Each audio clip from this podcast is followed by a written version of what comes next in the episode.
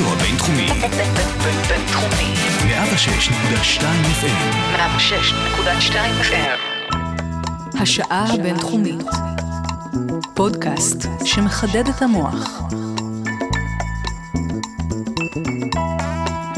אהלן אה, מאזינות ומאזינים, אנחנו אה, פותחים פרק נוסף של השעה הבינתחומית, אה, והיום אנחנו בעצם נתעסק ברגשות בסכסוכים, אה, רלוונטיים מאוד אה, לאזור, לתקופה, אה, ממספר היבטים, אמפתיה, כעס, ונגלה מספר דברים גם מפתיעים על הרגשות הללו.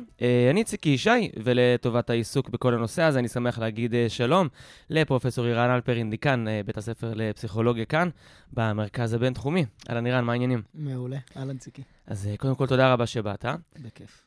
ובואו ככה, לטובת תחילתו של הדיון, בואו באמת ננסה להבין מה, מה הם הרגשות הדומיננטיים שמרכיבים את הסכסוך אה, בין קבוצות. טוב, אז קודם כל, אה, אני אענה על השאלה מה הרגשות הדומיננטיים, אבל אני חושב שצריך להגיד קודם מילה או שתיים על, על למה בכלל לדבר על רגשות אה, בהקשר של סכסוכים. ואני אני מגיע מתוך מקום ששואל, אולי את שאלה, אתה יודע, אנחנו קוראים לזה שאלת מיליון הדולר. אה, למה חברות שנמצאות במשך שנים בסכסוכים קשים, שמשלמות מחירים מאוד מאוד קשים על ההימצאות שלהם בתוך הסכסוך, זאת אומרת, משלמות מחיר גם בחיי אדם, אה, גם בכלכלה שלהם, גם ביכולת שלהם להקדיש, אם זה את מערכת החינוך ואם זה אלמנטים אחרים בתוך החברה, לדברים שאנחנו נגיד היו יכולים להיות חשובים באמת, אם הם לא חיות, היו חיות בתוך סכסוך. למה כל כך קשה להם לצאת מתוך הסיטואציה הזאת של הסכסוך? ואם ניקח את זה עוד צעד קדימה, אה, למקום שהוא אפילו אולי יותר פרדוקסלי, אז אנחנו יכולים להגיד, זה, זה, זה, זה, זה אפילו פחות הגיוני או רציונלי להמשיך מבחינתנו, בסכסוך? כשאנחנו מבינים שברוב המקרים, החברות האלה היו מוכנות, או הרוב המכריע של האנשים בתוך החברות האלה, היו מוכנים לעשות את ה... את, את, את הפשרות המשמעותיות ביותר כדי לצאת מתוך הסכסוך. כשאנחנו חוקרים, שוב, כדוגמה, את החברה הפלסטינית או, או את החברה הישראלית, אנחנו מוצאים שהרוב הגדול של בני האדם בתוך שתי החברות האלה היו מוכנות לעשות פשרות מאוד מאוד מאוד דרמטיות בעולמות הפוליטיים. אנחנו יודעים שזה הפשרות שנדרשות כדי לשנות את המצב. אם היית מבטיח להם מחר שהפשרה הזאת תוביל לשקט, לשלווה ולסיום הסכסוך. ואז נוצר משהו שאתה אומר לעצמך, יש פה פרדוקס מאוד מאוד גדול. אנשים חיים בת, במשך שנים רבות בתוך סיטואציה שהם מבינים שפוגעת בהם ברמה היומיומית. הם יודעים מה צריך כדי לצאת ממנה. הם מוכנים לעשות את מה שצריך כדי לצאת ממנה, בהינתן שזה יבטיח להם חיים יותר טובים, והם פשוט לא מסוגלים לעשות את המהלך הזה. ומפה אני וה, והשותפים שלי והסטודנטים שלי הגענו ל, ל, לעולם של הרגש, כי אמרנו, אם אנחנו לא מסוגלים להסביר את, ה, את, ה, את המהלך הזה בכלים שנקרא להם כלים אה, רציונליים, כלים של עלות תועלת, כנראה שצריך להסביר את זה ב, בכלים אחרים, והעולם שאנחנו עוסקים בו הוא העולם של רגשות, שאני אגיד שמבחינתי לרגשות יש שני, אה, אה, או שניים או שלושה יתרונות מאוד מאוד מאוד גדולים בהבנת התהליכים האלה. קודם כל, רגשות הם, ה- ה- ה- הם המהלך הפסיכולוגי או המהלך המנטלי שהוא המנוע המשמעותי ביותר שמוביל אנשים לפעולה. זאת אומרת, כשאנחנו מנסים להבין למה אנשים יוצאים למלחמה, למה אנשים תומכים או מתנגדים להסכם שלום, או למה אנשים יוצאים להפגין בבוקר, או אפילו, בואו ניקח את זה לעולמות האינדיבידואליים, למה אנשים מתחתנים, למה אנשים הולכים או לא הולכים לאוניברסיטה, או למה הם אה, אה, בוחרים שותף כזה או אחר לעבודה, המנוע הקריטי ביותר הוא הרגשות שלהם. ואם הרגשות שלהם הם מנוע כל כך משמעותי, שיכול להסביר לנו את ההתנהגות האנושית, אז, אז, אז, אז זה גם צריך להיות אחד מהכלים המסבירים החשובים ביותר להתנהלות של חברות, של קבוצות שנמצאות בתוך סכסוכים. אבל הדבר השני, ואני, ואני אה, אסיים פה, הדבר השני שהוא מאוד משמעותי, אנחנו חוקרים רגשות, או אנחנו מאמינים שחשוב כל כך לחקור רגשות בתוך התהליכים האלה, כי אפשר לשנות רגשות. ופה יש עניין מאוד מאוד מאוד חשוב בעיניי, כי אנחנו יכולים להגיד, אתה יודע, להגיד שפחד, ששנאה, שבוז, ש, שכעס, הם, הם, הם, הם, הם אה, תופעות שמשחקות תפקיד משמעותי בתוך סכסוכים, לא צריך בשביל זה פסיכולוג חברתי או פרופסור לפסיכולוגיה חברתית שיבוא ויגיד לך את זה פה. אבל כדי להגיד שאם אנחנו נב- נבין את התפקיד של הרגשות האלה בתוך סכסוכים, אפשר אולי גם להשפיע על המהלך של סכסוכים, לשנות אותם, ליישב סכסוכים בדרכי שלום, כי רגשות אפשר לשנות, פה יש כבר נקודה שיש לה פוטנציאל, אה, אה, שבעיניי הוא פוטנציאל הרבה יותר חשוב. אוקיי, אז באמת העלית פה uh, מספר דברים שנראה לי שווה, שווה להתעכב על, על כמה מהם. דבר ראשון, בהתחלה אמרת שבעצם אנחנו מבינים שאנשים, רוב האוכלוסייה, לא משנה באיזה סכסוך, מבינה שיש לה סיכוי, אם, אם במידה והיה לה סיכוי לצאת מהסכסוך, היא הייתה מוותרת על uh, דברים כאלו או אחרים בשדה הפוליטי. אבל בלי קשר, אתה אומר שגם בלי ההבנה הזאת, למעשה, uh, הרגש הוא מה שמוביל את האנשים. ככה שגם אם לא היינו מגיעים לתובנה הזאת, בעצם ברגע שאנחנו מבינים שרגש, כפי שאתה אומר, זה המנוע העיקרי אה, להניע את האנשים, אז גם אם ההבנה היא כזאת או אחרת בהקשר הפוליטי, עדיין, אם אני מבין אותך נכון, הדבר הכי דומיננטי שיניע, יזין, או לחילופין יסיים את הסכסוך, זה הרגשות. ומה שאת אמרת פה, שבעיניי, לפחות אה, לי או לחלק מהמאזינים, לא מובן מאליו, שרגשות אה, ניתנים לשינוי, כי בתפיסה שלנו זה, מה אני אעשה? קמתי עצבני. לגמרי. הוא הכעיס אותי, התאהבתי. אז נכון. בוא אולי טיפה, תנסה טיפה להסביר מה, מה זה בדיוק אומר. אז בוא, בוא נלך שוב אה, צעד אחר צעד. קודם כל, אני רוצה, אני רוצה להתמודד עם, ה, עם הטיעון הראשון שהעלית, שבעיניי הוא טיעון מאוד מאוד מעניין ומשמעותי. יש אנשים בתוך סכסוכים, כמעט בכל סכסוך, שמה שמשפיע על העמדות שלהם ועל ההתנהגות שלהם בנוגע לסכסוך, הוא לא בהכרח אה, אה, אה, הוא, לא בהכרח, הוא לא נשלט על ידי התהליך הרגשי. אנשים שהאידיאולוגיה שלהם היא אידיאולוגיה מאוד מאוד קיצונית וחד משמעית. אנשים שרואים בשפה שלנו, מסתכלים על, על סיטואציה של קונפליקט ואומרים, הדברים שעומדים פה על סדר היום הם מה שאני קורא להם ערכים מקודשים, sacred values בשפה של המחקר. הם אנשים שאני מוציא אותם מהמשוואה לצורך העניין, כשאני חוקר רגשות בסכסוכים. כי אני אומר, בשביל האנשים האלה, שינוי רגשי לא יעשה שינוי דרמטי בעמדות שלהם בנוגע לסכסוך. קח את הסכסוך הישראלי-פלסטיני, לצורך הדוגמה. יש לך עשרה אחוזים באוכלוסייה הפלסטינית וקרוב לעשרה אחוזים באוכלוסייה הישראלית-יהודית שמחזיקים באידיאולוגיה מאוד מאוד מאוד נוקשה, רדיקלית, מסתכלים על השאלות כשאלות של ערכים מקודשים, אה, משוכנעים בעמדות שלהם במה שאנחנו קוראים לו אה, moral conviction, שכנוע מוסרי. זאת אומרת, או שאתה איתי בעמדה שלי, או שאתה טועה לחלוטין. זה שחור או לבן, זה צודק או טועה, זה, זה הטוב המוחלט מול הרע המוחלט. אבל 90% מהאנשים מחזיקים בעמדה שהיא עמדה הרבה הרבה יותר מורכבת. והעמדה המורכבת הזאת... 90 אחוז זה נתון אה, אופטימי, משמח. 90 אחוז זה נתון מאוד משמח. אה, אתה יודע, זה, זה יכול להיות ברור. דינמי, ולפעמים זה יהיה 85 או 87 אחוז, אבל אחוז מאוד מאוד גבוה, הרוב המוחלט, גם בחברה הישראלית, יהודית, וגם בחברה הפלסטינית, הן בתוך ישראל והן, והן אה, בגדה המערבית ובעזה, מחזיקים בשיקולים שהם שיקולים מורכבים, שיש בהם אלמנטים אידיאולוגיים מסוימים, אבל יש בהם גם לא מעט אלמנטים פרגמטיים. וכשאנחנו מדברים על אחוז כל כך גבוה של האנשים, שמבחינתם הסיפור הוא לא סיפור של ערכים מקודשים, ובהינתן שתבטיח להם שלווה, שקט, אה, ביטחון מסוים בקיום עצמאי של הקבוצה שלהם ושל הזהות שלהם, הם מוכנים לעשות פשרות מאוד מאוד דרמטיים, דרמטיות, אז התהליכים הם תהליכים אחרים. וכאן בעינינו נכנסים רגשות ל- ל- ל- למשחק, ואז אפשר לדבר, א', על איזה רגשות משחקים תפקיד, וב', ואני מסכים איתך לחלוטין, איך אפשר לשנות רגשות כדי לייצר שינוי בתהליכים היותר רחבים. והעשרה אחוז שאתה מדבר עליהם, שאתה הקיצוניים, הם בהכרח יותר, אה, בוא נאמר, רציונליים בערכים שלהם, או שגם הערכים שלהם בעצם מונעים מרגש, כמו לצורך העניין פחד או משהו כזה, פשוט זה כל כך אה, נוקשה, ש- שעליהם אתה נגיד מוותר בניסיון אה, ל- לשחק קצת ברגשות בשביל לעניין מהלך גדול יותר. אז קודם כל, אני, אני כופר בהבחנה בין, בין האמוציה ל- לרציו, באופן מוחלט. Okay. זאת אומרת, אוקיי. כשאנחנו נדבר על רגשות עוד מעט, ואני אסביר לך איך אני רואה רגש, ואיך אני רואה את התפקיד של רגש בתוך סכסוכים, אתה תראה שבתפיסה שלי את העולם הרגשי יש המון רציונליות. ויש תהליכים קוגניטיביים מאוד מאוד מאוד אה, אה, משמעותיים שמתבצעים כשאנשים כש, כשרגשות מתפתחים במוח של בני אדם או בספירה החברתית. אז ההבחנה הזאת מבחינתי היא לא הבחנה משמעותית. אני כן חושב שגם בקרב העשרה אחוז היותר אדוקים, רדיקליים, קיצוניים, כל אחד שיגדיר אותם איך שהוא רוצה, יש תהליכים רגשיים משמעותיים. אני לא חושב ששינוי של רגשות בקרב האנשים האלה יוביל לשינוי דרמטי בעמדות או בהתנהגות שלהם בנוגע לסכסוך. לעומת זאת, בקרב ה-80 או 90 אחוז האחרים של האוכלוסייה, שהתפיסות שלהם הן תפיסות יותר מורכבות ומשלבות פרגמטיזם ואידיאולוגיה ודברים אחרים, שינוי רגשי, ויש לנו מחקרים אמפיריים בעשרות שפרסמנו בשנים האחרונות, שמראים ששינוי רגשי משמעותי בקרב הרוב הגדול של הציבור, גם הפלסטיני וגם הישראלי, יכול להוביל לשינוי משמעותי בעמדות ובהתנהגות שלהם בנוגע לסכסוך.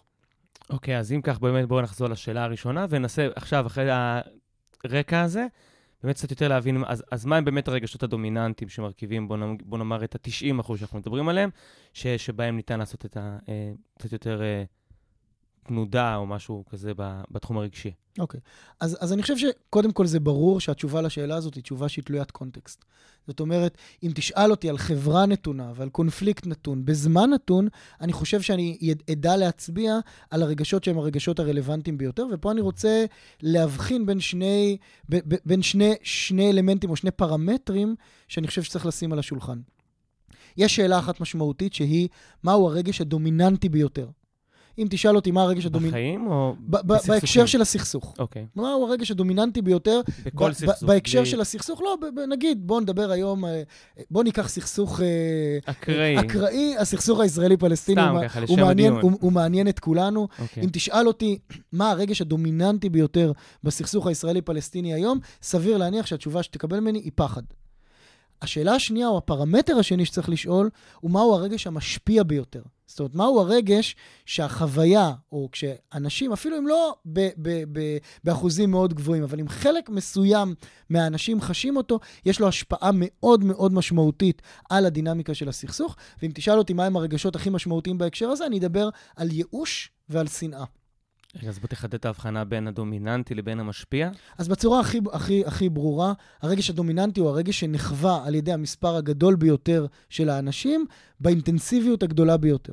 בהקשר של הסכסוך הנתון. בהקשר של הסכסוך, ופה אם ת, ת, תעשה סקר מאוד פשוט ותשאל על רמות הפחד, כעס, ייאוש, שנאה, אמפתיה, תקווה בקרב ישראלים ופלסטינים, סביר להניח שבחלק גדול מה, מהסקרים האלה אתה תקבל שהרגש הדומיננטי ביותר הוא רגש של פחד. הרבה מאוד ישראלים, הרבה מאוד פלסטינים חשים פחד כשהם חושבים על הצד השני, כשהם חושבים על הפעולות שלו, כשהם חושבים על ההקשר של הסכסוך. כשתשאל אותי, מה הרגשות המשפיעים ביותר? אני אגיד לך, לא בהכרח יש מתאם. זאת אומרת, חלק גדול מהאנשים מרגישים פחד, אני לא בטוח שפחד הוא הרגש המשפיע ביותר. תשאל אותי מה הרגשות המשפיעים ביותר, אז בעיניי הרגשות המשפיעים יותר הם, תקווה, הם ייאוש ושנאה. אני אגיד לך יותר מזה. בפחד אני יכול לראות גם לא מעט פוטנציאל חיובי. זאת אומרת, אני יכול לראות, ואנחנו מראים את זה במחקר האמפירי שלנו, גם בקרב פלסטינים וגם בקרב ישראלים, איך פחד יכול גם לעודד תהליך של יישוב של סכסוך ופיוס, תחת תנאים מסוימים, בסיטואציות מסוימות. לעומת זאת, ייאוש ושנאה הם רגשות שאולי הם קצת פחות אה, אה, דומיננטיים מבחינת השכיחות שלהם בקרב האוכלוסייה, אבל ההשפעה שלהם היא תמיד תמיד השפעה דסטרוקטיבית, השפעה שלילית, השפעה קשה על הדינמיקה של הסכסוך, ובעיניי גם חזקה יותר, כן. אוקיי. אה, בואו נצא לשיר הראשון ככה, אה, אחרי ההקדמה הזאת, אחרי זה נמשיך אה, לצלול לעובי הקורה, למחקרים נוספים שבדקתם, וגם, כמו שאמרת, על הפחד, שיש לו איזשהו אימפקט חיובי, יש עוד רגשות כאלה שבדקתם, וניגע גם בהם. שיר ראשון של הדג נחש, שיר נחמה, אתה רוצה... אנחנו, אני, אני בשמחה אדבר עליו, אפשר לדבר עליו אחרי השיר, אבל בואו נחבר אותו רגע למקום ש, ש, ש, שעליו אנחנו, שבו אנחנו מפסיקים כרגע. אז, אז בעיניי שיר מחאה הוא שיר של, שיר נחמה הוא שיר של ייאוש. הוא שיר שמבטא ייאוש בתוך החברה, ואיך חברה מתנהלת כשהיא חיה תחת איזשהו אה, אה, רגש קולקטיבי של ייאוש, שמוזן מתוך המנהיגות שלנו, שמוזן מתוך מנהיגות של חברות בסכסוך. בואו נשמע את השיר, ואני אשמח לדבר עליו אחרי זה בהקשר של ייאוש. אוקיי. Okay.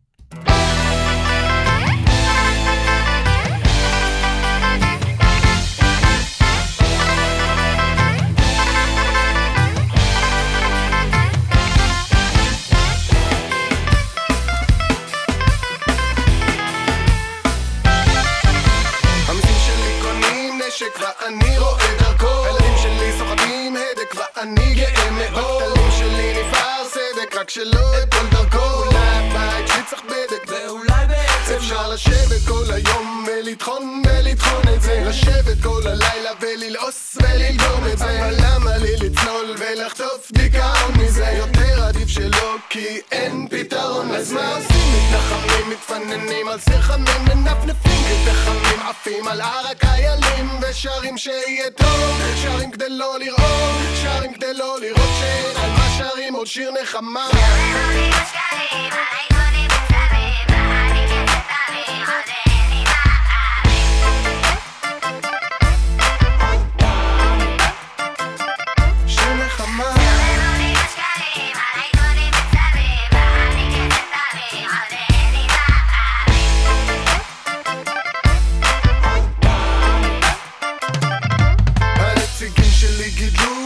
שוב נותן להם את הכל. לילדים שלי עושה נזק מקווה שלא גדול. הרצפה תחת רגליי נזהר שלא ליפול. אולי הבית שלי צריך בדק. ואולי בעצם אפשר לשבת כל היום להפוך ולבחון את זה. להתהפך כל הלילה. לא לישון לא לישון מזה. וחצרת לאכול. אבל אין שום היגיון יותר עדיף שלא כי אין פתרון. אז מה עושים? מתנחמים מסירים מכסים מסירים. מסירים מוסר מסרים מסירים מסרים משירים. ושרים שיהיה טוב. שרים כדי לא לראות. שרים כדי לא לראות שאין על מה שרים עוד שיר נחמה.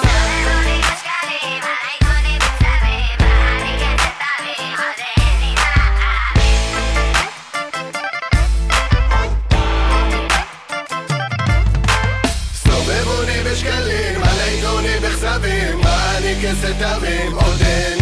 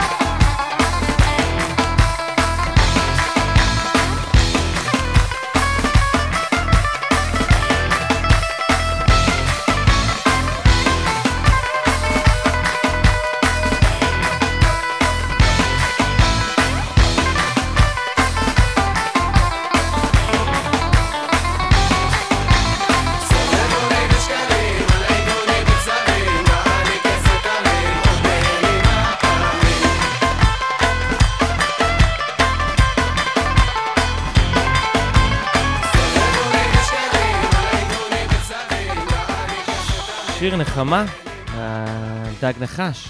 אה, אמרת לפני השיר שיש לך כמה מילים ככה להגיד על ה... כן, אני, אני, אני חושב שאם יש אה, אה, אלמנט שהוא משותף לתפיסה של, ש, שמובילה אנשים גם לייאוש וגם לשנאה, שאני הגדרתי אותם כשני הרגשות הכי קשים, הכי דסטרוקטיביים בהקשר של סכסוכים, הוא שגם בייאוש וגם בשנאה יש איזו תפיסה מאוד בסיסית שאומרת, שום דבר לא יכול להשתנות. שום דבר לא... מה זה אנשים מיואשים בהקשר של סכסוך? אנשים מיואשים בהקשר של סכסוך זה אנשים שאומרים, לא משנה מה אנחנו נעשה, לא משנה מה הם יעשו, לא משנה מה נציע להם, לא משנה אם נצא להפגנות, אם לא נצא להפגנות, שום דבר טוב כבר לא יכול לקרות פה. אה, מה, מה שהיה הוא שיהיה, הערבים אותם ערבים, הים אותו ים, אה, וכו' וכו' וכו'. זה גם הבסיס שעומד אה, אה, אה, מתחת לרעיון של שנאה. מה זה שנאה? שנאה זה להגיד, הצד השני זה לא רק שהוא פוגע בי עכשיו, זה לא רק שהוא רוצה להרוג אותי, זה לא רק שהוא רוצה לסלק אותי מפה, הוא עושה את זה כי הוא כזה. כי הוא כזה באופי המאוד בסיסי שלו, הוא תמיד היה כזה, הוא תמיד יהיה כזה, הוא לעולם לעולם לא ישתנה, הוא יונק שנאה בחלב אימו, כמו שהיו נוהגים לומר, וכו' וכו' וכו'. כשאנשים נכנסים, או מוכנסים, ואני אומר בכוונה מוכנסים, לתוך state of mind שאומר, שום דבר טוב כבר לא יכול לקרות, שום דבר לא יכול להשתנות, הם נכנסים לתוך מצב שאנחנו קוראים לו כ- כפסיכולוגים אה, חוסר אונים נלמד, או חוסר אונים נרכש. והדבר הזה מונע מאנשים לנסות לשנות, הוא מונע מהם להאמין בשינוי, הוא מונע מהם להאמין שיש אפשרות שהם יכולים לחולל איזשהו שינוי, ואז נוצרת חברה שהיא, היא- והיא מאוד, וזה מאוד מאוד אה, עולה מהשיר הזה של, אה, של הדג נחה של, אה, של שיר נחמה, חברה שמחפשת את המקומות לברוח אליהם, את האסקפיזם, את ה... את ה, את ה מתוך איזו הבנה כזאת של "אה, אי אפשר באמת לייצר פה משהו טוב יותר, אז בואו ננסה להתעסק ב, בדברים האחרים. אני חושב שזה לא מקרה שאנחנו הגענו למקום הזה, אני חושב שיש פה אינטרס לאנשים, למנהיגים, שרוצים להביא אותנו למקום הזה, כדי שאנחנו חלילה לא נרים את הראש שלנו.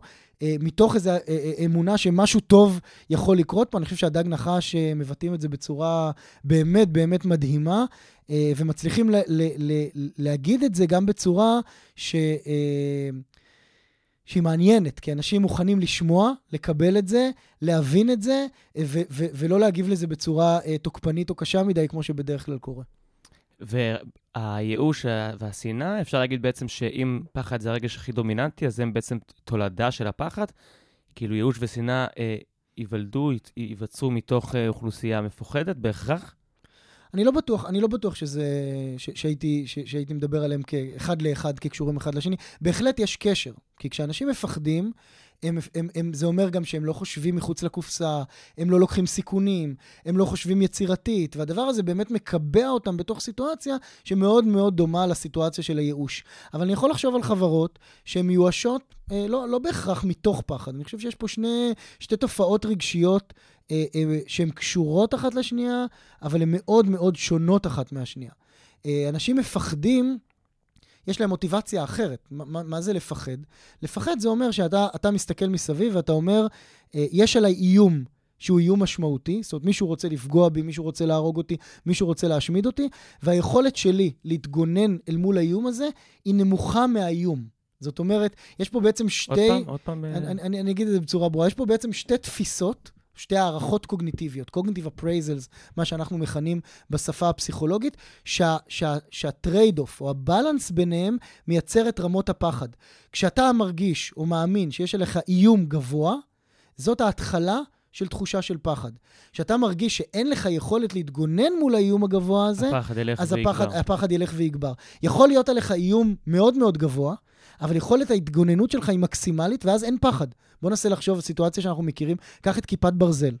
יש כיפת ברזל. אם הציבור הישראלי היה מאמין, או כשהציבור הישראלי יאמין, שכיפת ברזל מייצרת הגנה של 100% אל מול טילים, אז הציבור זה הישראלי... מסיר לחלוטין את הפחד. כן, מ- הציבור הישראלי יבוא ויגיד, יש עליי איום גדול, אבל אני מסוגל להתמודד מולו ב-100%, ואז ברמה האמוציונלית הוא לא, הוא לא יחוש פחד.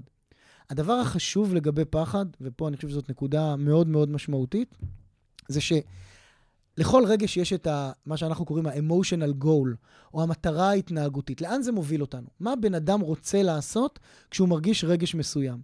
המטרה ההתנהגותית של אנשים מפחדים היא לא להשמיד את הצד השני. היא לא לפגוע בצד השני, זה יכול לנבוע מהמטרה ההתנהגותית. אבל המטרה ההתנהגותית היא להפחית את האיום. כשאני מרגיש שרודף אחריי כלב, מה שבאמת באמת חשוב לי, זה לא להרוג את הכלב, אלא. לברוח. בדיוק, הוא. להתגונן. אם זה על ידי בריחה, אני אתגונן על ידי בריחה. אם אני חייב להרוג את הכלב כדי להתגונן, יכול להיות שאני אצטרך להרוג את הכלב.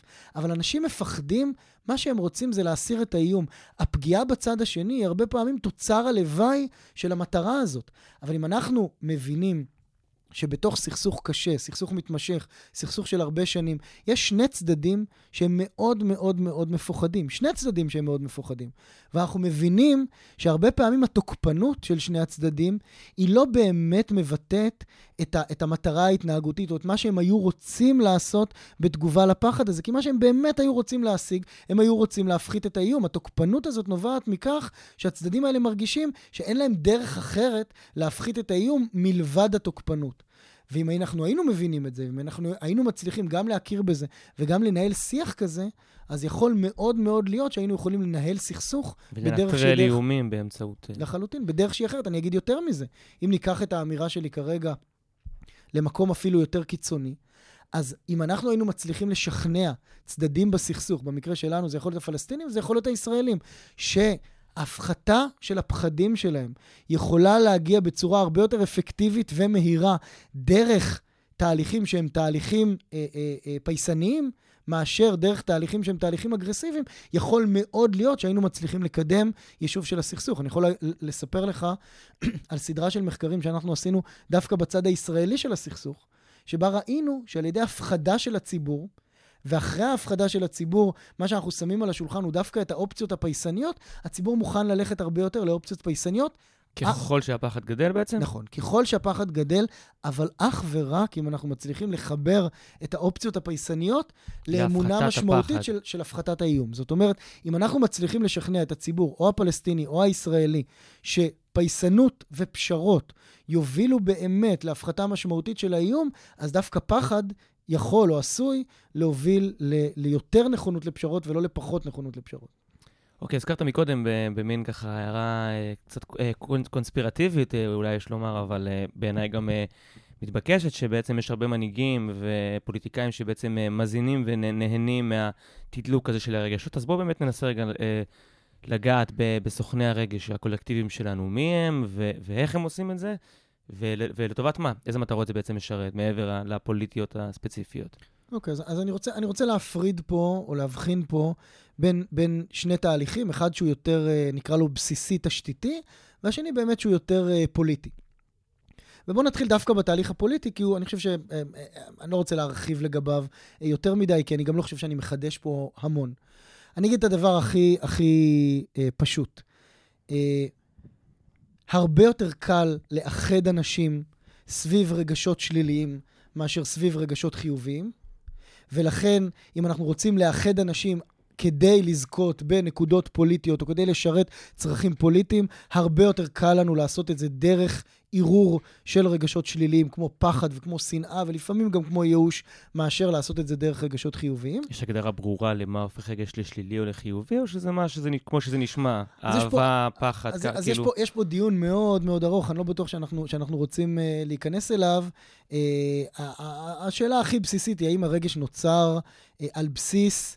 אירוע שאני מפרש אותו כתואם או כסותר את האינטרסים שלי. אוקיי. Okay. ואם תחשוב על רגשות כמו פחד, או כמו כעס, או כמו שנאה, הם ברוב המקרים נוצרים על ידי פעולה של האחר או של מישהו, שהיא פעולה שסותרת... מפריעות בעצם להתנהלות שלי. בדיוק, שסותרת את, ה, את, ה, את היעדים שלי, את המטרות שלי, את האינטרסים שלי, את הערכים שלי, לעומת רגשות חיוביים שהולכים... אה, אה, שהולכים, שהולכים לכיוון השני. Okay. אוקיי. אז נקודה אחת היא שלאנשים פוליטיים זה ברור שהרבה יותר קל אה, לשרת הרבה מאוד פעמים את האינטרסים שלהם אה, דרך רגשות אה, שליליים מאשר דרך רגשות חיוביים. ואני אגיד את הדבר השני שאולי הוא פחות מובן מאליו בהקשר הפוליטי, אה, צריך לקחת בחשבון שתהליך של פיוס, יישוב סכסוכים ושלום, הוא תהליך שכמעט באופן אינהרנטי הוא קשה ומסוכן הרבה הרבה יותר לאנשים פוליטיים ולמנהיגים, מאשר שימור של סטטוס קוו, אפילו אם הסטטוס קוו הזה גובה מחירים מאוד מאוד קשים מהציבור שלהם. ולכן ברוב המקרים, מנהיגים פוליטיים ילכו אל עבר תהליכים של יישוב סכסוך או תהליך של שלום, כשהם נאלצים או נדחפים ללכת לשם, לעומת מצב של שימור של סטטוס קוו, גם אם הוא סטטוס קוו כואב, מלחמתי, אלים, שזה ברוב המקרים יהיה הדיפולט של רוב המנהיגים, ואני אגיד את זה בצורה קשה, גם אם המנהיגים האלה מגיעים מצד שמאל וגם אם מגיעים מצד uh, ימין של, של המפה הפוליטית, תהליכים uh, של יישוב סכסוך ושלום הם תהליכים מסוכנים. מסוכנים גם ברמה האישית, אנחנו יודעים את זה, ובטח ובטח ברמה הפוליטית. אבל אני רוצה לדבר על התהליך השני, שאני חושב שהוא יותר uh, תשתיתי uh, בהקשר הזה, והוא יותר uh, משמעותי, שאתה, שאתה שאלת איך נוצרים הרגשות האלה. ואני רוצה לדבר על, על התהליך של חברות, אני אדבר על זה בקצרה, על התהליך של חברות שהן חברות שחיות בסכסוך, מה שאנחנו קוראים סכסוך קשה, אלים, בלתי נשלט, לאורך שנים רבות, ופה צריך לתאר תהליך שאני קורא לו תהליך פונקציונלי. בעצם מה שקורה לחברות כאלה הוא שבשנים הראשונות, או בעשורים הראשונים של הסכסוך, הן נמצאות בתוך מצב שהוא באמת באמת נתפס על ידם כמצב של איום קיומי ממשי ומיידי. וכשחברות נמצאות, בתוך, נמצאות בתוך מצב של איום קיומי ממשי ומיידי, יש להן שני אתגרים מאוד מאוד דרמטיים שהן צריכות לשרת. א', הן צריכות לגייס את הציבור שלהם לטובת הסכסוך, במצב שבו אנשים יגידו מה שאומרים אצלנו, ב... אני גדלתי על המיתוס של טוב למות בעד ארצנו. טוב למות בעד ארצנו זה לא דבר שאנשים נולדים איתו. הם מתח- מתחנכים לתוכו, והם מגיעים למצב שבו הם אומרים, אם אני... אתה לא תיקח את הנשק, המדינה לא כן, תהיה אני, פשוט. אני מוכן להקריב את חיי, את משפחתי, את חבריי, את הכלכלה שלי, את החינוך שלי, לטובת הקיום של המקום הזה, לטובת הקיום של המדינה הזאת. וזה אתגר מאוד גדול לחברות שנמצאות בסכסוכים קשים, להביא את הציבור שלהם למצב שבו הציבור יגיד, אני מוכן לעשות את זה. והדבר הזה נכון בכל חברה שחיה בסכסוך מתמשך לאורך שנים. היא מתמודדת עם האתגר הזה, היא צריכה להביא את, ה- את הציבור שלה למצב שבו הוא יגיד, אני מוכן, טוב למות בעד ארצנו. והאתגר השני של חברות כאלה, הוא להצליח לייצר לאותם אנשים שאומרים טוב למות בעד ארצנו, להצליח לייצר להם תחושה שהם חיים חיים נורמליים, מאושרים, טובים, משגשגים, בתוך סיטואציה שהיא פסיכית לחלוטין. שבה אוטובוסים מתפוצצים ברחובות, אני צריך ללכת למילואים פעם בכמה חודשים, או אני צריך לעצור במחסום כמה פעמים כל יום בדרך לעבודה. ואיך חברות עושות את זה, איך מדינות עושות את זה, איך אומות שחיות בסכסוכים כל כך קשים לאורך כל כך הרבה שנים עושות את זה, הן מייצרות לציבור שלהם תשתית, אנחנו קוראים לה תשתית פסיכולוגית פונקציונלית. בואו נגיד את זה בצורה הכי פשוטה, הן מספרות סיפור. והסיפור הזה הוא תמיד נאחז במציאות, אבל הוא תמיד גם מתנתק מהמציאות, כי ה- ה- ה- הפונקציה שלו היא לא לשרת את המציאות, אלא היא לשרת את הצרכים של החברה. שאנשים יגידו טוב למות בעד ארצנו, ושאנשים יחיו חיים נורמליים. ולכן חברות בסכסוך, נגיד את זה בצורה הכי מכוערת, אוקיי. משקרות לציבור שלהם. הן משקרות לציבור שלהם, הן בונות לו סיפור שיש בו המון המון המון רגש, שאומר לציבור, אין ברירה, אנחנו מותקפים, אנחנו צודקים, אנחנו קורבנות, אנחנו הצבא הכי מוסרי בעולם, אבל אין לנו ברירה אלא להילחם את המלחמה שלנו, כי הצד השני הוא לא אנושי, הם לא בני אדם, הם חיות, הם היו רוצים לסלק אותנו מפה, ולא בדרכי שלום. והדבר הזה נאמר לכל חברה שנמצאת בסכסוך ארוך שנים, בכל מקום בעולם, באותה צורה בדיוק, רק בהתאמות מסוימות לקונטקסט. ורגשות כמו פחד, שאומר הצד השני רוצה להשמיד אותנו, ומאוד יהיה קשה לנו להתמודד אם לא תעשו 1, 2, 3. או שנאה, שאומרת, הם תמיד היו כאלה, הם תמיד היו כאלה, הם חיות אדם, הם לעולם לא השתנו. או ייאוש שאומר, זה לא משנה מה נציע להם, וזה לא משנה אם כן משא ומתן או לא משא ומתן, מחוות או לא מחוות. כל הרגשות האלה הם חלק מאותו, מאותה תשתית, או מאותו אותו רפרטואר פסיכולוגי שחברות בסכסוך מעבירות לציבור שלהם כדי להתקיים. בוא נגיד את זה, ציקי, אני אומר את זה בצורה מאוד ברורה ולא ביקורתית. הן מעבירות את זה לסכסוך, לח, לחברות או לציבור שלהם, כי אם הם לא יעשו את זה, הם לא יתקיימו. כי אם אנשים לא יגידו, טוב למות בעד ארצנו, אין קיום לחברה שנמצאת בסכסוך לאורך כל כך הרבה שנים. ולכן כשאתה שואל אותי, מי הם הסוכנים שמעבירים את הייאוש, את הפחד, את השנאה לחברה, אני אגיד, זאת החברה בעצמה, זאת מערכת החינוך שלה.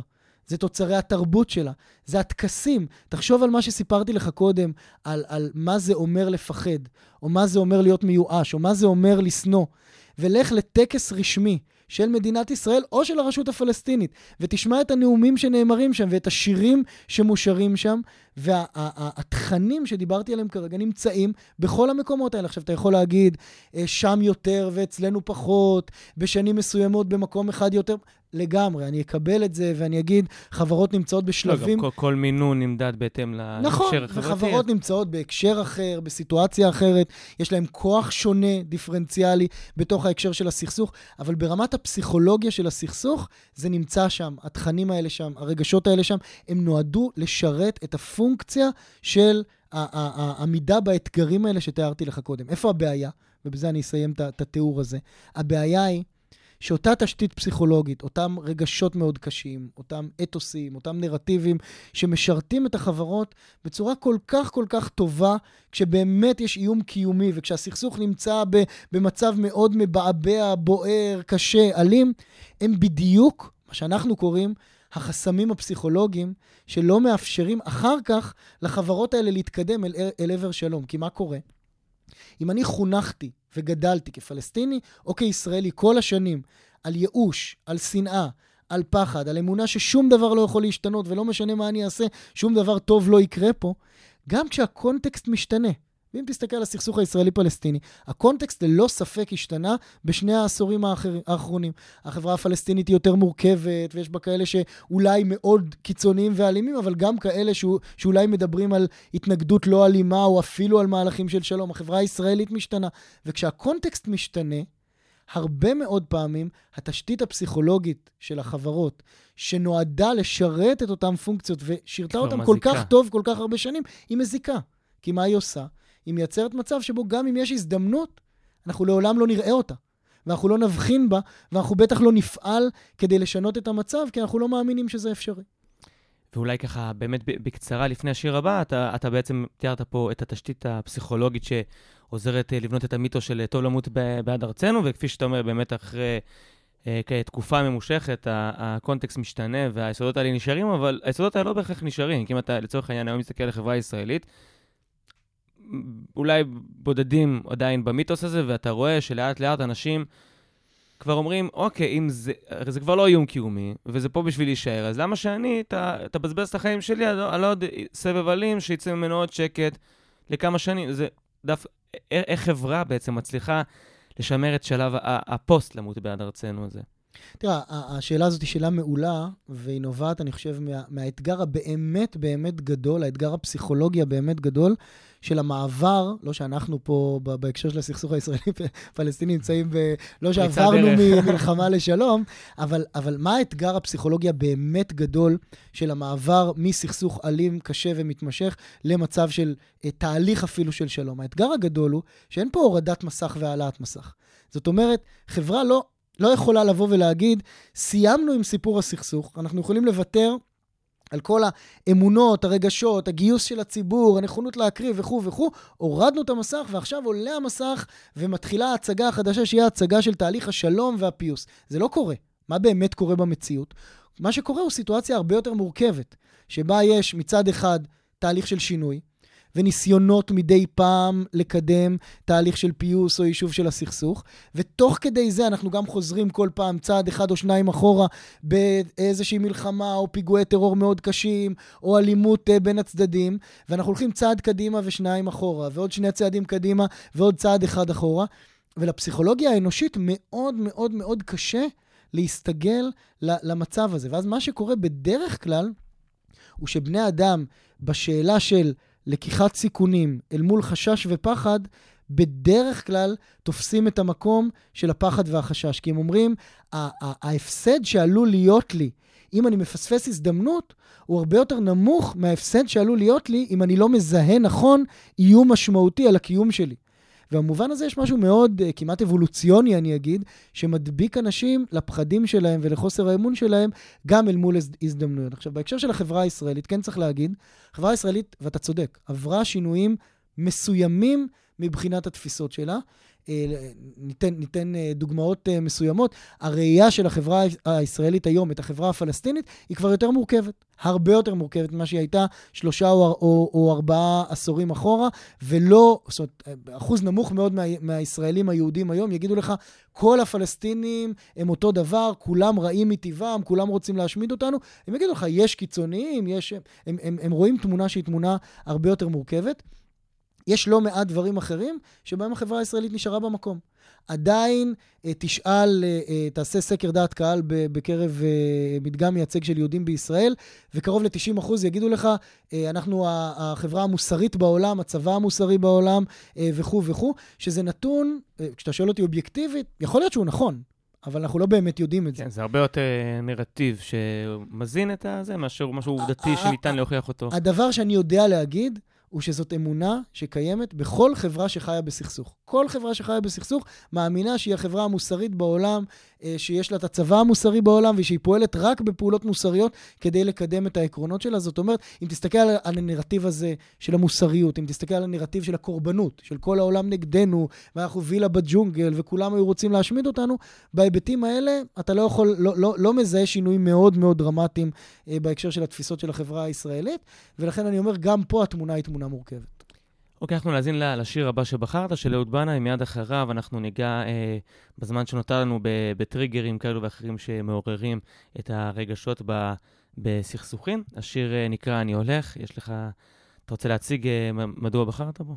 כן, א', אה, הכתיבה של אהוד בנה היא כתיבה שאני, שאני מתחבר אליה אה, כמעט בכל היבט בחיים, אתה יודע, מהמקומות הרומנטיים יותר, דרך המקומות החברתיים יותר. אני חושב שמבחינתי, אה, יש פה שורה אחת בשיר, שהיא השורה אה, ש, ש, שמביאה אותי לבחור אותו ושמחברת אותו מאוד לעבודה שלי, והיא השורה שאומרת, אה, עומד על גשר ההלכה, אה, מסתכל על דרך השלום, או צופה לדרך השלום, ואני חושב שזה חיבור מאוד מאוד מאוד יפה בין שני עולמות, שבעצם אה, אה, אהוד בנאי מגיע לפה ואומר, יש פה שני דברים שרוב בני האדם מסתכלים עליהם כדברים סותרים לחלוטין, אני מסוגל לעמוד על האחד ולהסתכל על השני, או הפרקטיקה לייצר איזשהו. איזשהו חיבור בין, בין שני הדברים האלה. אוקיי, אז בואו נאזין.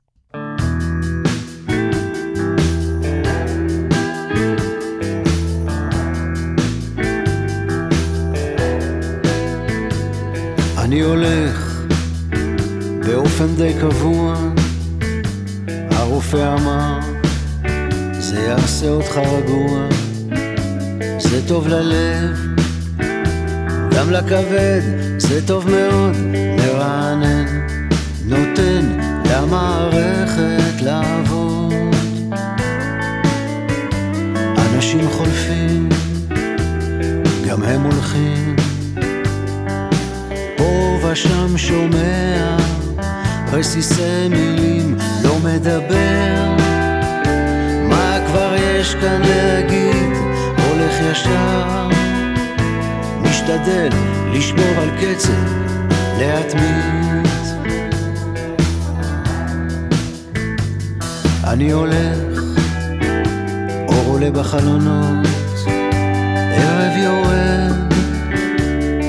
מריח חביתות, פה ושם רואה צלליות בחדרים, רסיסי חיים של אנשים אחרים.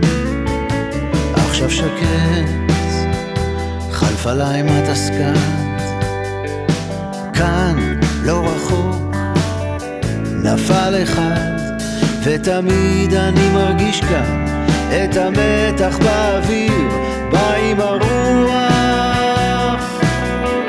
ממלא את כל העיר. עכשיו הכל זורם, אדם פועם, אני מזיע. הרופא אמר, טוב ללכת כל יום שתגיע. אני הולך דרך ערים מעושנות, דם על האספלט, זעקות שבר וקינות, טיול קצר בין הארבעים, אני הולך כך לפחות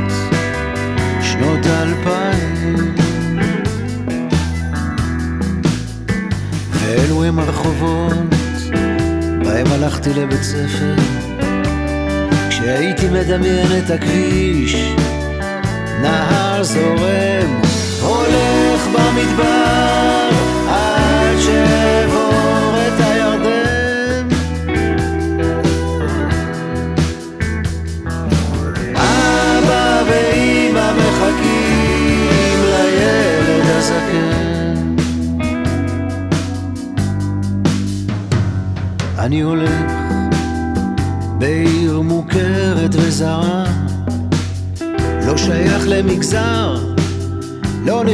get.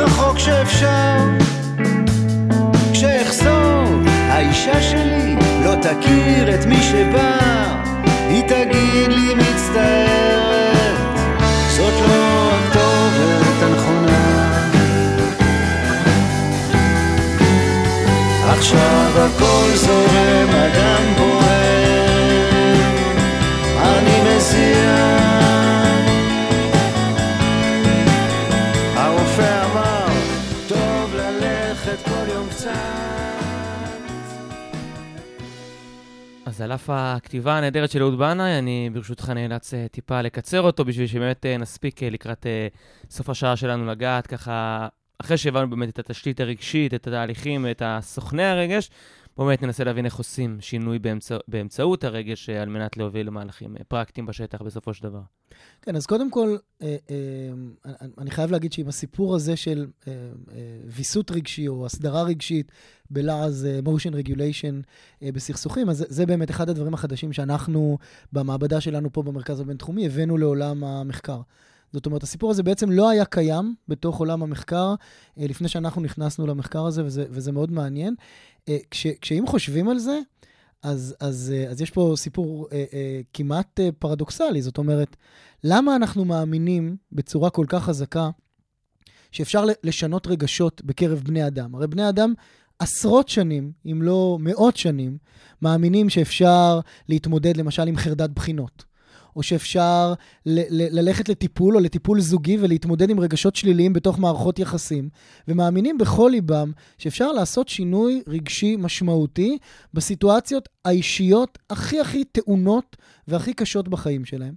ומצד שני, כשאנחנו לוקחים סיטואציה כל כך קשה, שאנחנו משלמים עליה מחיר כל כך כבד בחיי אדם, כמו הסיפור של סכסוכים קשים אה, בין קבוצות, ואנחנו מבינים, אני חושב כולנו, שרגש משחק בתוך התהליכים האלה תפקיד מאוד מאוד משמעותי, אין כמעט ניסיון להשתמש באותו ידע שנצבר בעולם הפסיכולוגיה במשך כל כך הרבה שנים, כדי לשנות את התפיסות, את הרגשות, את התפיסות ואת ההתנהגות של אה, אנשים שחיים בתוך הסכסוכים האלה. וזה בעצם מה שאנחנו עושים במעבדה שלנו פה בבית ספר לפסיכולוגיה ב, בשנים האחרונות, שאם נחלק את זה, וציקי, אני יכול לדבר על זה שעות, אז תעצור אותי כש, אה, כשזה, כשאני מרחיב יותר מדי, אז אנחנו בעצם עושים שני דברים, כרגע שני דברים מאוד מאוד אה, פשוטים.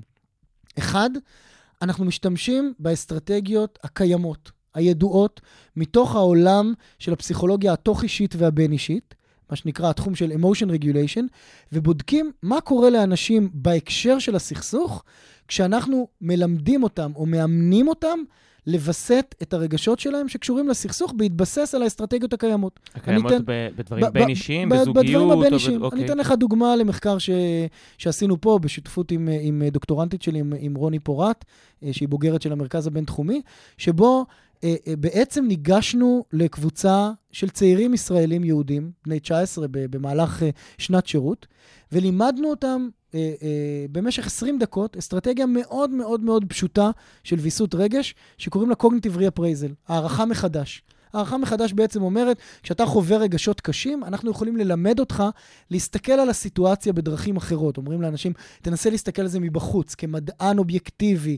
מה היית, איזה רגש היית חווה אם היית פתאום מוציא את עצמך מתוך הסיטואציה? זה קצת יותר מורכב מזה, כמו שאתה יכול לדמיין. אבל אבל- בגדול בשביל לעזור לנווט את הרגש אחרת. אבל בגדול, בגדול זה אומר לחשוב אחרת, לפרש אחרת את הסיטואציה, כדי להרגיש את הרגשות בצורה אחרת. לימדנו את החבר'ה האלה. לווסת את הרגשות שלהם בצורה אפקטיבית, אה, אה, בתהליך של אימון לא מאוד ארוך, אני מדבר על אה, 20 דקות או 30 דקות, ואז מדדנו את התגובות שלהם בהקשר של הסכסוך הישראלי-פלסטיני במשך חצי שנה. וגילינו דבר מדהים. אחרי שהם הבינו שניתן לווסת את הרגשות כן. גם בסכסוכים כאלה, כאילו... למרות שלא דיברנו איתם על סכסוכים, לימדנו אותם לווסת את הרגש שלהם, וביקשנו מהם לווסת אותו בהקשרים טעונים משמעותיים בחיים שלהם, כולל הקשרים שקשורים לסכסוך. וחצי שנה אחרי שעשינו את זה, בהשוואה לקבוצת ביקורת שלא עברה את האימון הזה, גילינו שהאנשים האלה הגיבו בתגובות הרבה הרבה פחות שליליות מבחינת הרגש שלהם כלפי אירועים שקשורים לסכסוך, אם זה נאומים של הצד השני, אם זה אירועים אלימים, אם זה, אם זה אה, אה, אה, אה, אה, אירועים חדשותיים שקשורים לסכסוך, וגם העמדות שלהם בנוגע לפשרות, בנוגע לנכונות לעשות שינוי משמעותי בהקשר של הסכסוך, הייתה, היו הרבה הרבה יותר חיוביות וקונסטרוקטיביות בהשוואה לקבוצת ביקורת. אז זאת, זאת דרך אחת שאנחנו פועלים במעבדה בדרכים שונות, והיום אנחנו כבר עושים את זה. באמצעות וירטואל ריאליטי ובאמצעות אפליקציות של סמארטפונים, ואנחנו בעצם מלמדים אנשים לווסת את הרגש שלהם בצורה אפקטיבית בהקשר של הסכסוך. הדבר השני שאנחנו עושים הוא בעצם להתמקד ברגשות ספציפיים יותר. אם ניקח, בואו ניקח לדוגמה את מה שדיברנו עליו קודם, על ייאוש ועל שנאה. ואמרנו שאם יש מה שנקרא common denominator, או, או, או איזשהו, איזושהי תמה שהיא תמה אה, משותפת, גם לייאוש וגם לשנאה, זאת האמונה ש... אה, הצד השני לא יכול להשתנות, או קבוצות לא יכולות להשתנות, או המצבים האלה לא יכולים להשתנות. ואם אנחנו מזהים את התמה, שהיא התמה שעומדת בבסיס הרגש השלילי, אנחנו יכולים לעשות מהלכים, מהלכים חינוכיים, מהלכים תקשורתיים, מהלכים מנהיגותיים, שבעצם פועלים נגד התמה הזאת. זאת אומרת, למשל, באחד הפרויקטים הכי גדולים שעשינו בשנים האחרונות, לקחנו את הרעיון הזה שקבוצות לא יכולות להשתנות, ואמרנו, בואו נעבוד הפוך מהרעיון הזה. ואז פעלנו בתהליך חינוכי, שהוא תהליך חינוכי לא ארוך, ללמד אנשים שהאמת היא שלמרות שאולי חשבתם אחרת, גם הקבוצות האלימות ביותר, הגזעניות ביותר, הלא מוסריות ביותר, יכולות להשתנות. כשהמנהיגות שלהם מתחלפת, כשהמצב הכלכלי משתנה, אה, כשהסיטואציה או ההתנהלות של הצד השני בסכסוך משתנה, פתאום גם הקבוצות האלה יכולות להשתנות. ומה שגילינו הוא שאנחנו מייצרים שינוי גם בעמדות בהקשר של תהליך השלום של האנשים שעברו תהליך חינוכי כזה, ו- וגם בהתנהגות שלהם בפועל, ממש במה שהם מוכנים לעשות, כן או לא לצאת להפגנות, כן או לא להצביע, כן או לא לפגוש אדם יהודי או אדם פלסטיני, תלוי איפה עשינו את ההתערבות הזאת, אחרי שהם למדו שקבוצות יכולות להשתנות, והדבר הזה עובד דרך שינוי רגשי, דרך הפחתה. בייאוש שלהם, דרך הפחתה בשנאה שלהם, וגילינו שינויים מאוד מאוד מאוד דרמטיים כי מה שאני קורא, הצלחנו לזהות או לזקק בצורה מאוד טובה את הכפתור שעליו צריך ללחוץ כדי לייצר את השינוי הרגשי, שבתורו יוביל גם לשינוי של התפיסות, העמדות וההתנהגות של האנשים. אוקיי, okay, הדברים באמת uh, מאוד uh, ברורים ברמה התאורטית, אבל בואו ננסה באמת קצת יותר להבין פרקטית מה זה אומר. כאילו, איך אתה מסיר מאנשים את האלמנט של הייאוש, איך אתה מנטרל את הפחד וגורם להם לה, להאמין, וגם לא בהכרח בתנאי מעבדה, שלצורך העניין הקבוצות הן ברות שינוי או משהו בסגנון הזה. אז אני חושב שזה האתגר אה, הגדול ביותר של חוקרים אה, שפועלים בתחום שלנו, של פסיכולוגים חברתיים, פסיכולוגים פוליטיים, שפועלים בתחומים שבעיניי לפחות אין בהם שאלה... אה, זאת אומרת, הם, הם, הם תחומים שאני אומר את זה בצורה הכי ברורה, יש להם אג'נדה ערכית מאוד ברורה. פסיכולוגים חברתיים שהתחילו לחקור אה, סטריאוטיפים, דעות קדומות, אה, גזענות ואפליה של, של, של, של האחר, לא חקרו את זה רק כדי לתאר את התהליכים. הם חקרו את, את, את התופעות האלה כדי לייצר הבנה יותר טובה של התהליכים האלה, שתוביל גם לכלים שיכולים לאפשר שינוי. ואני מאמין שהדבר הזה נכון גם למחקר שלנו בתחומים האלה של שנאה, גזענות בין קבוצות, וגם למחקר שלנו בתחומים שנוגעים לקונפליקטים קשים בין קבוצות אה, אה, אה, חברתיות, פוליטיות, לאומיות. זאת אומרת, אני מאמין שלפסיכולוגיה החברתית, לפסיכולוגיה הפוליטית, יש תפקיד גם בזיהוי התהליכים, אבל גם בזיהוי אה, התערבויות שיכולות לייצר שינוי. והאתגר פה הוא אתגר מאוד גדול, כי יש הבדל מאוד גדול בין להביא אנשים למעבדה, ללמד אותם במעבדה, למשל, שקבוצות יכולות להשתנות, או תהליך של ויסות רגשי, ואז לראות איך הדבר הזה משפיע על, ה, על הפעולה שלהם או על, ה, או על התפיסה שלהם אה, בחיים האמיתיים, לבין מצד שני להגיד איך אנחנו באמת מטמיעים את זה בתוך מהלכים אמיתיים. ובמובן הזה אני יכול להגיד לך שאנחנו פועלים פה במרכז הבינתחומי, במרכז שאנחנו הקמנו, אה, שנקרא המרכז היישומי לפסיכולוגיה של שינוי חברתי, כדי להטמיע תובנות מתוך עולם הפסיכולוגיה החברתית לתוך דברים שקורים במציאות. וזה יכול להיות דרך נאומים של מנהיגים, וזה יכול להיות דרך תהליכים שהם תהליכים חינוכיים. אה, המון המון אנשים בלא מעט מקומות בעולם מנסים לייצר תהליכים חינוכיים שייצרו שינוי בתפיסות, בעמדות, ברגשות של אנשים ויפנו אותם אל עבר תהליכים של שלום במקום תהליכים של מלחמה. אנחנו טוענים שבהרבה מאוד מהמקרים הם עושים את זה בלי ידע. ומה שאנחנו יכולים לעשות הוא להביא את הידע מתוך המעבדה, שאומר מהם המסרים הספציפיים, או התהליכים הספציפיים שצריך להשתמש בהם כדי לייצר שינוי אמיתי, ואת המסרים האלה ואת התהליכים האלה להטמיע בתוך תוכניות קיימות, תוכניות חינוכיות, אה, דרך תקשורת, דרך מנהיגות, דרך לא מעט פלטפורמות שהן פלטפורמות חברתיות, ולהפוך את אותן פלטפורמות לפלטפורמות אפקטיביות אה, ומשפיעות יותר.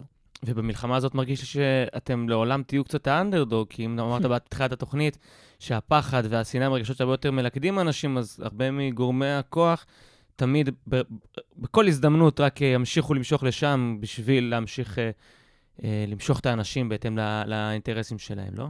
אני אגיד את זה בצורה מאוד ברורה.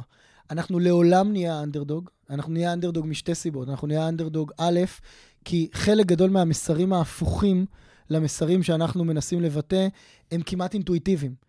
תנסה לחשוב, אם אני, אם אני אה, מצביע, שוב, כדוגמה, על מסר שאומר, אה, הצד השני לעולם לא ישת... אה, זאת אומרת, צריך ללמד אנשים שהצד השני יכול להשתנות וכו' וכו'. האמרה שהוא הם לעולם לא ישתנו והם תמיד יהיו כאלה, זו אמרה שאנחנו משתמשים בה בצורה כמעט אינטואיטיבית. אז המסרים ההפוכים הם מאוד אינטואיטיביים. המסרים ההפוכים משרתים פוליטית את מי שהוא דומיננטי יותר בשיח הציבורי. אבל בואו אני אגיד את זה אחרת. כל עוד אנחנו לא מנסים לעשות את הדבר הזה, אז, אז יש להיות אנדרדוג ויש להשאיר את המגרש ריק. וכרגע המגרש ריק. זאת אומרת, כרגע האנשים שמעוררים שנאה, פילוג ואלימות נמצאים כמעט לבד במגרש הזה שאמור להיות שיח משמעותי של מסרים אה, אה, אה, מתנגדים, ואני רוצה לפחות לתת fight, גם אם אנחנו נהיה אנדרדוג לעולם בתוך המגרש הזה. ואתה אופטימי ככה לסיום, אתה אופטימי שבאמת יש אה, יכולת, בהתאם לכל הנסיבות המורכבות שאנחנו מתארים כאן, שיש באמת אה, יכולת לאנשי אקדמיה, רוח אה, וכולי, לעשות, באמת לפרוץ את התודעה ולאורך זמן ליצור שינוי משמעותי שיגרום לאיזשהו תהליך פורץ דרך? אז קודם כל, אני אופטימי, אני אופטימי משני, משתי סיבות משמעותיות. אחת, אני אופטימי כי בסוף, בסוף, בסוף, באמונה שהסיפור אני לא אגיד כולו, אבל חלק משמעותי ממנו הוא סיפור פסיכולוגי, יש אמירה מאוד אופטימית. כי תחשוב, יכולנו להתחיל את השיחה הזאת, והייתי אומר לך, 90% מהציבור הישראלי והפלסטיני לא יהיה מוכן לוותר על שום דבר לעולם, כי הוא מאמין אידיאולוגית שזה שלו ושאין צורך לעשות ויתורים. זה, זו אמירה פסימית. כשאני אומר שחלק גדול מהסיפור הוא סיפור של רגש ושל תהליך פסיכולוגי ושרגשות ניתן לשנות, אז אני לחלוטין אופטימי. אני כן אגיד שאנשי אקדמיה או אנשי רוח שרוצים באמת לעשות שינוי, לא יכולים להישאר רק במשרדים שלהם באקדמיה, לכתוב מאמרים, להפיץ אותם, להתראיין מדי פעם לתקשורת ולחשוב שהדבר הזה ייצר שינוי אמיתי. כדי לייצר שינוי אמיתי בהתבסס על ידע מחקרי, אמפירי, אקדמי, אנשי אקדמיה צריכים לראות את עצמם כסוכני שינוי חברתי. ואנחנו עושים פה ניסיון מאוד מאוד משמעותי אה, בתוך בית ספר לפסיכולוגיה, בהיבטים שונים שלו, לעשות חיבור בין ידע אקדמי, אה, מחקר מדעי, לבין שינוי חברתי. אה, זה מצריך ללכלך את הידיים, זה מצריך לצאת לשטח, זה מצריך לנסות ולהיות בתוך עולם שהוא לחלוטין לחלוטין מחוץ לאזור הנוחות שלנו, אבל אני חושב שאנחנו חייבים לעשות את זה, כי אחרת היכולת שלנו לייצר שינוי היא מאוד מינימלית.